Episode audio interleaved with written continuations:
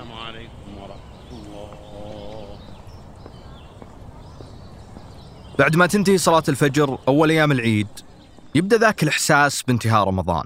إحساس الزعل أن الشهر مر بسرعة وإحساس الذنب.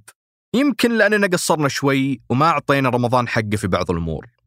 لكن هذه الأحاسيس تختفي من عقلك بسرعة لأنك بتبدأ تسمع أصوات الأمهات اللي ينادون أولادهم عشان يجهزون والآباء اللي يستعجلون أهل البيت.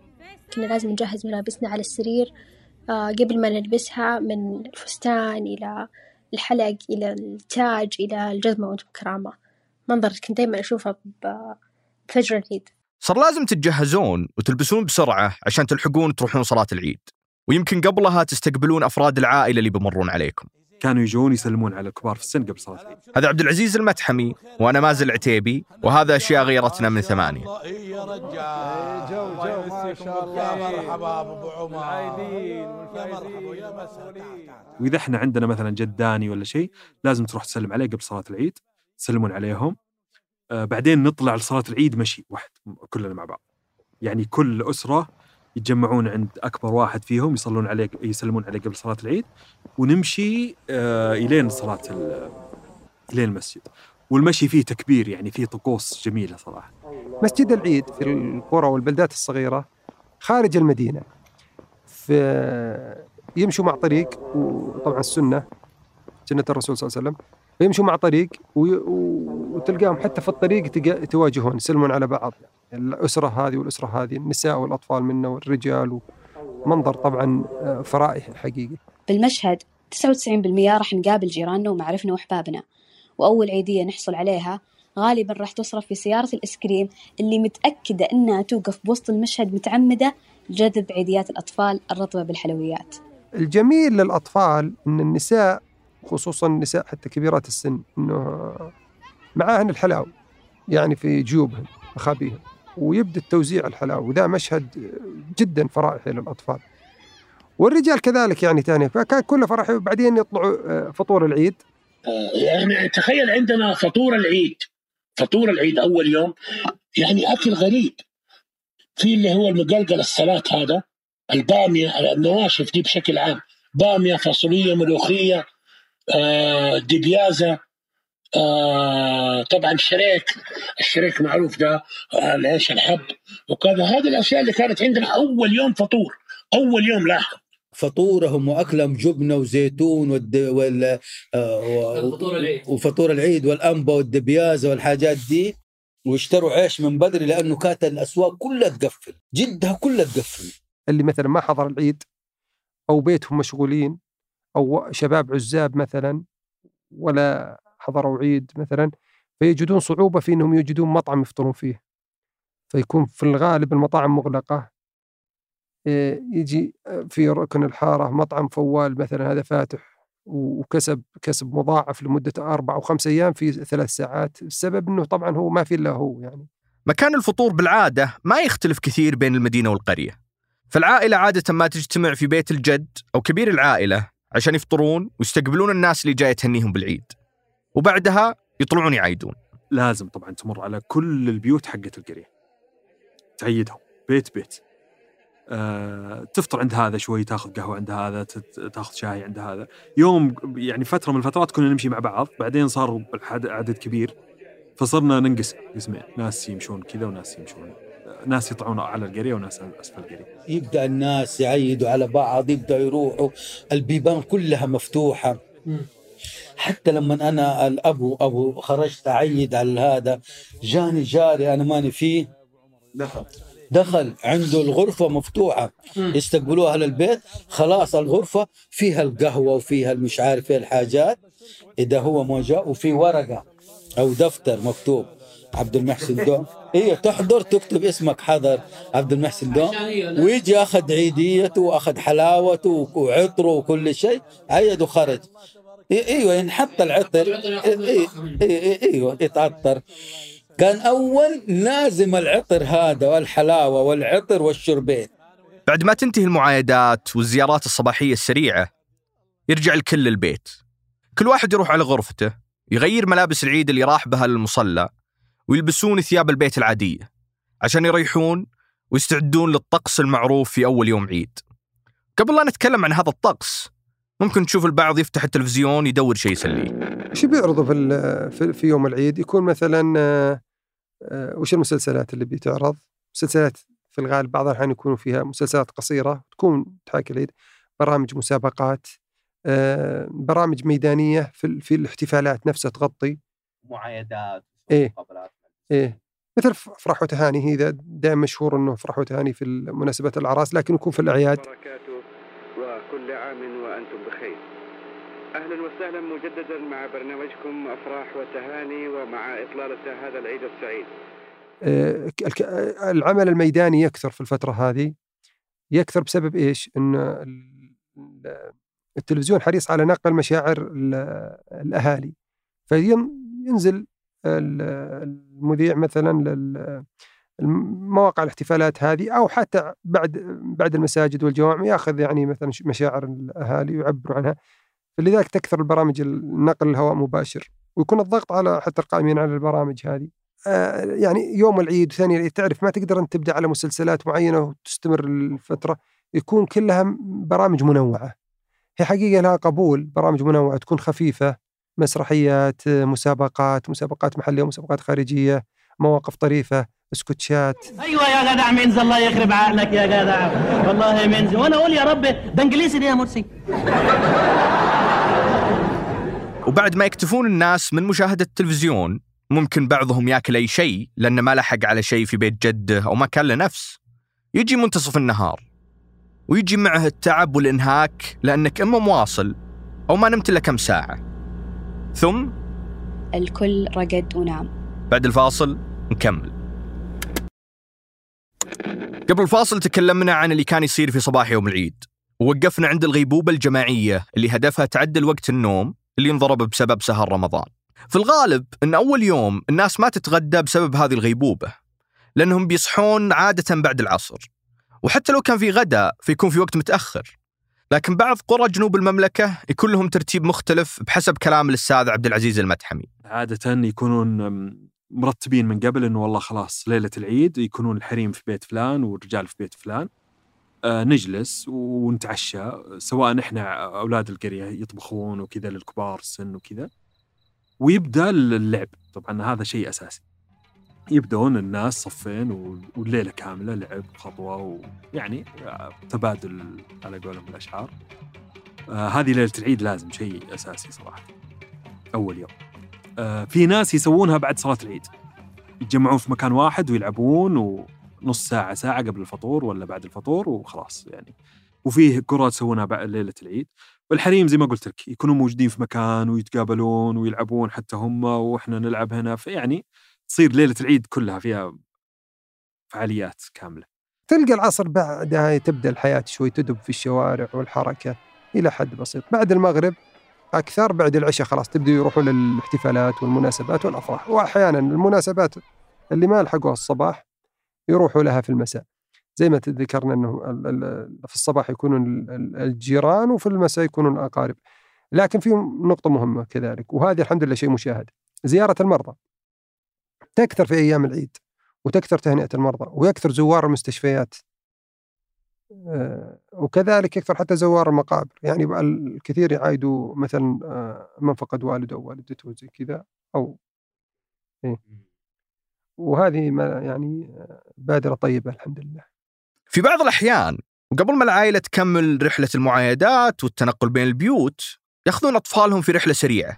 يشوفون بعض الفعاليات اللي تقام في الساحات الكبيرة لكل مدينة. وبالعادة ما يطولون لأن أغلب المعايدات لازم تخلص في أول يوم. طبعا كل بلدة لها ساحة معروفة. يعني آه، يمارس فيها احتفالات العيد. في الرياض مثلا برحه الملز في ابها ساحة البحار. آه، ما أدري الطايف هي سنبل ولا ولا شو اسمها؟ قزاز ولا سنبل؟ القزاز. القزاز. القزاز. ومكة سنبل الظاهر. إي ولا جنب قدام قصر الحكم. والحقيقة إنه يعني مثلا ساحة البحار هي جنب مبنى الأمارة. ففي كل مكان يكون في ساحة في ساحة العروض الشعبية والإحتفالات فيكون فيها تقام فيها الأعياد. وهنا الأستاذ عبد المحسن الدوم يذكر بعض الحواري الشهيرة في جدة القديمة اللي كان يقام فيها مراجيح وملاهي مصغرة. كان في ثلاثة الرسمية في ممكن خمسة أقدر أقول لك خمسة.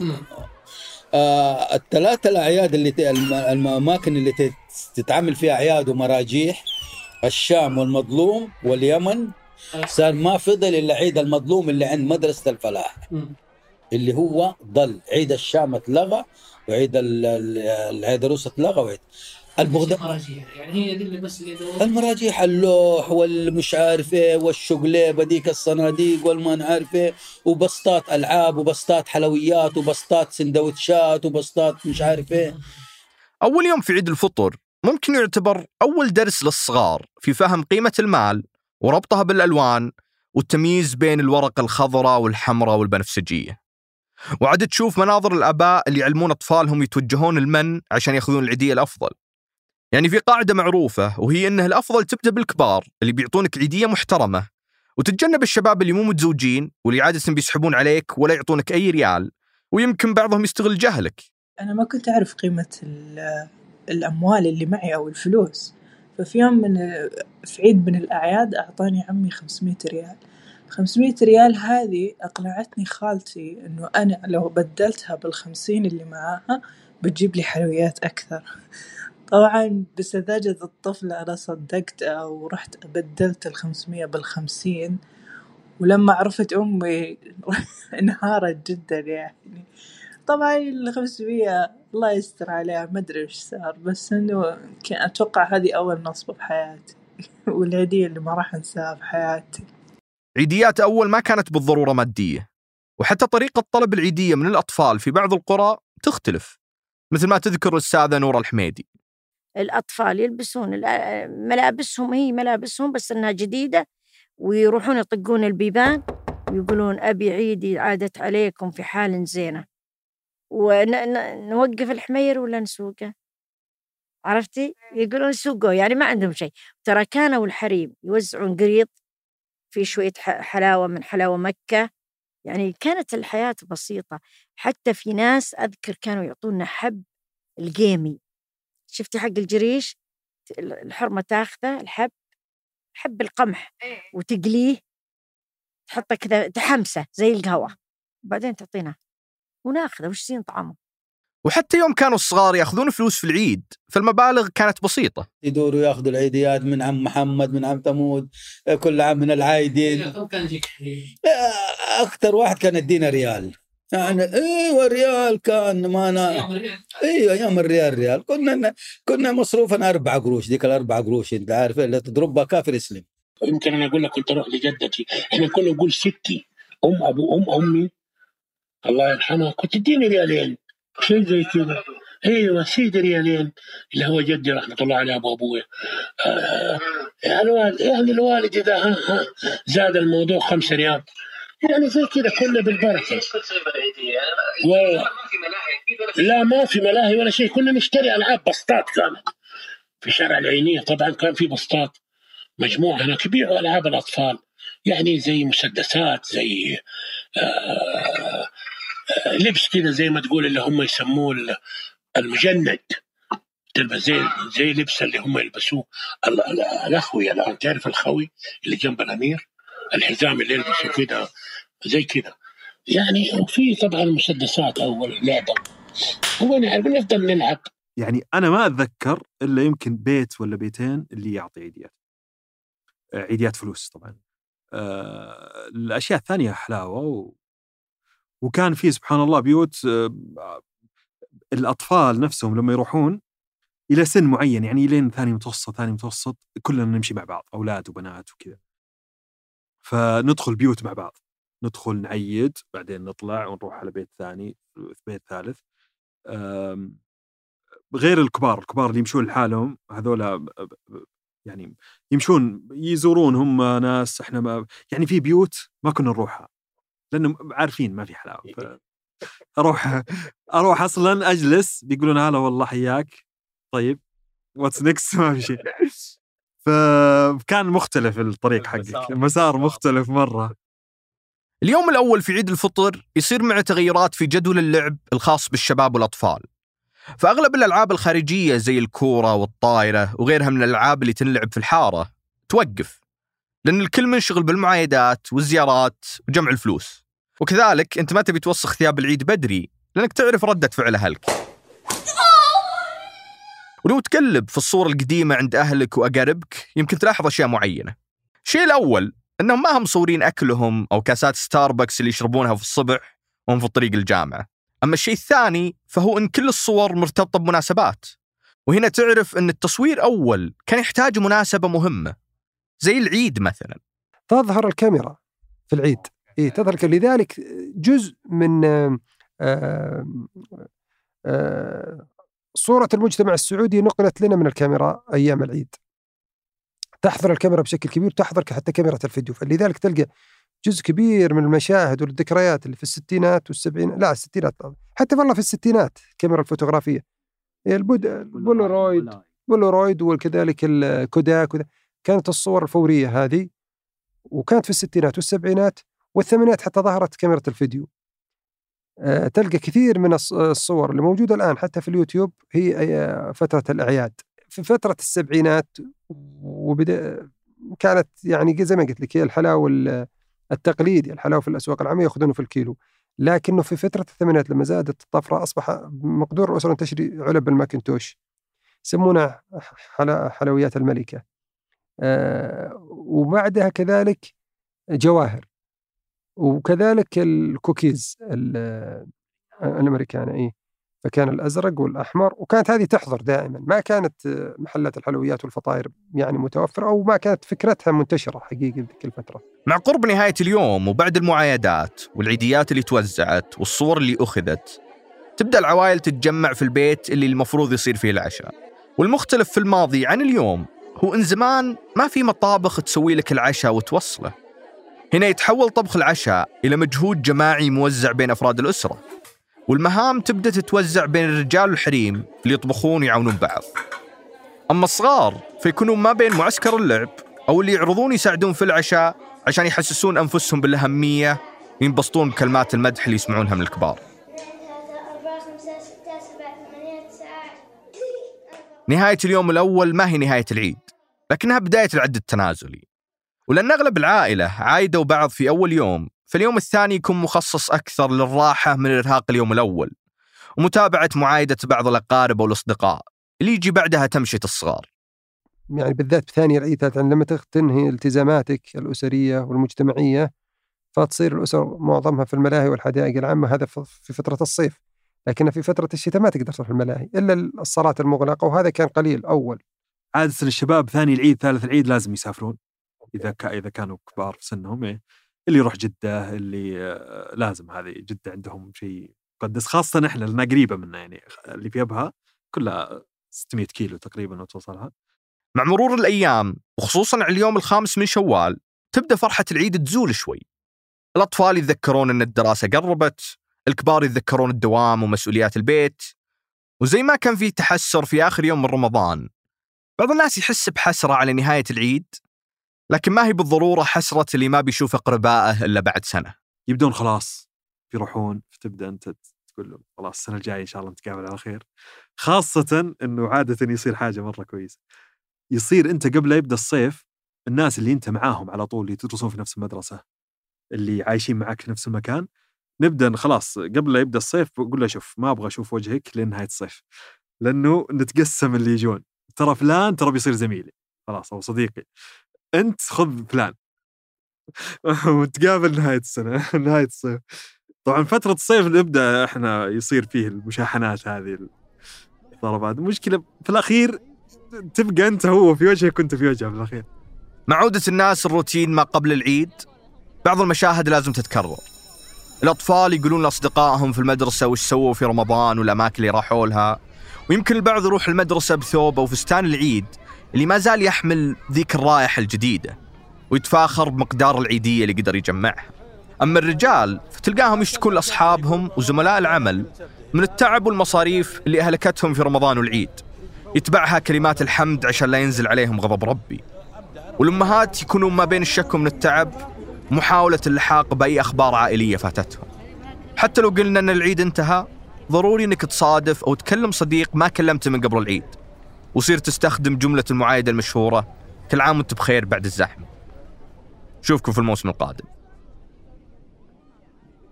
هذه الحلقة من إعداد وبحث الرائع مصر العساف. شكرا للضيوف اللي أثروا هذه الحلقة وهذا الموسم بمداخلاتهم. الأستاذ سعود عبد الغني الأستاذ عبد المحسن الدوم الأستاذة نور الحميدي والأستاذ عبد العزيز المتحمي شكرا لمستمعي ثمانية على مشاركتهم ذكرياتهم الخاصة معنا. أنتج هذه الحلقة ثمود محفوظ اللي يتخيل العيد في الطايف كالتالي. وأنت تنزل الطايف تنبسط وتروح تركب ذيك اللعبة اللي يدورون في الردف وتنبسط كذا وتجري كش كش كش كش زي الهامستر. أخرجتها وفاء العبد العالي هندسها صوتيا محمد الحسن وجميل عبد الأحد. صمم غلافها ريفال الغيلاني حرر تشويقاتها أحمد حامد. أدار عملية نشر هذا الموسم أنس الأهدل وسلمى وعمر وبثين الإبراهيم وشذا محمد وفهد القصير. أشرف على الإنتاج أسيل با عبد الله وجميل عبد الأحد وفي الإشراف على إذاعة ثمانية سحر سليمان. دقيقة دقيقة. السلام عليكم. أنا وفاء مخرجة هذه السلسلة الرمضانية اللي أتمنى أنها أعجبتكم. في نهاية كل حلقة من موسم رمضان كان مازن يفاجئ فريق العمل بتسجيل صوتي غريب عجيب لثمود. فقررت الآن أنا وثمود نرد الحركة بمازن. ونسمعكم خلف كواليسنا في تسجيل النصوص. وكل عام وأنتم ومن تحبون بألف خير. السلام عليكم. السلام عليكم. أنا اسمي مازن. هاي أنا اسمي مازن. أوكي. طيب أنا ما أدري إذا التسجيل ضابط بس إن شاء الله ضابط. كل قليم. كل قليم. كل قليم. شو السالفة؟ أبى أحاول أمسك حماسة. ومن جديد واو. قاعد أعطي أكثر من تيك آه، ست وفاء. لحظة بعيد الجملة. آه بس ما بتضبط ثمود كاتب هنا نكتة وأنا ما أعرف أبيع النكت يعني أنا ما يعني أوكي. يعني يا رب إنها ما هي ثقيل الدم. يا رب إنه ما يزعل نرجع نكمل. أهلا أخ مازن أهلاً. بيج فان هل قاعد. تسجل؟ إيه يعني قاعدين يسمعوني الحين؟ إيه بيج فان أخ أبو سعد وفاء اوه ماي جاد أنا مرة معجب كثير اغتيال أحسن سلسله في الحياة حبيبي. لا الختامية أما الآن وعلى قولة مذيعين زمان فقد وصلنا إلى نهاية بثنا لهذا اليوم تمام؟ كويس حسيت أنا أقول نشوفكم على خير ولا ما يحتاج؟ نشوفكم على خير. نشوفكم على خير. نشوفكم على خير. نشوفكم على خير. على حروف إيه نشوفكم على خير. ممتاز. أوكي.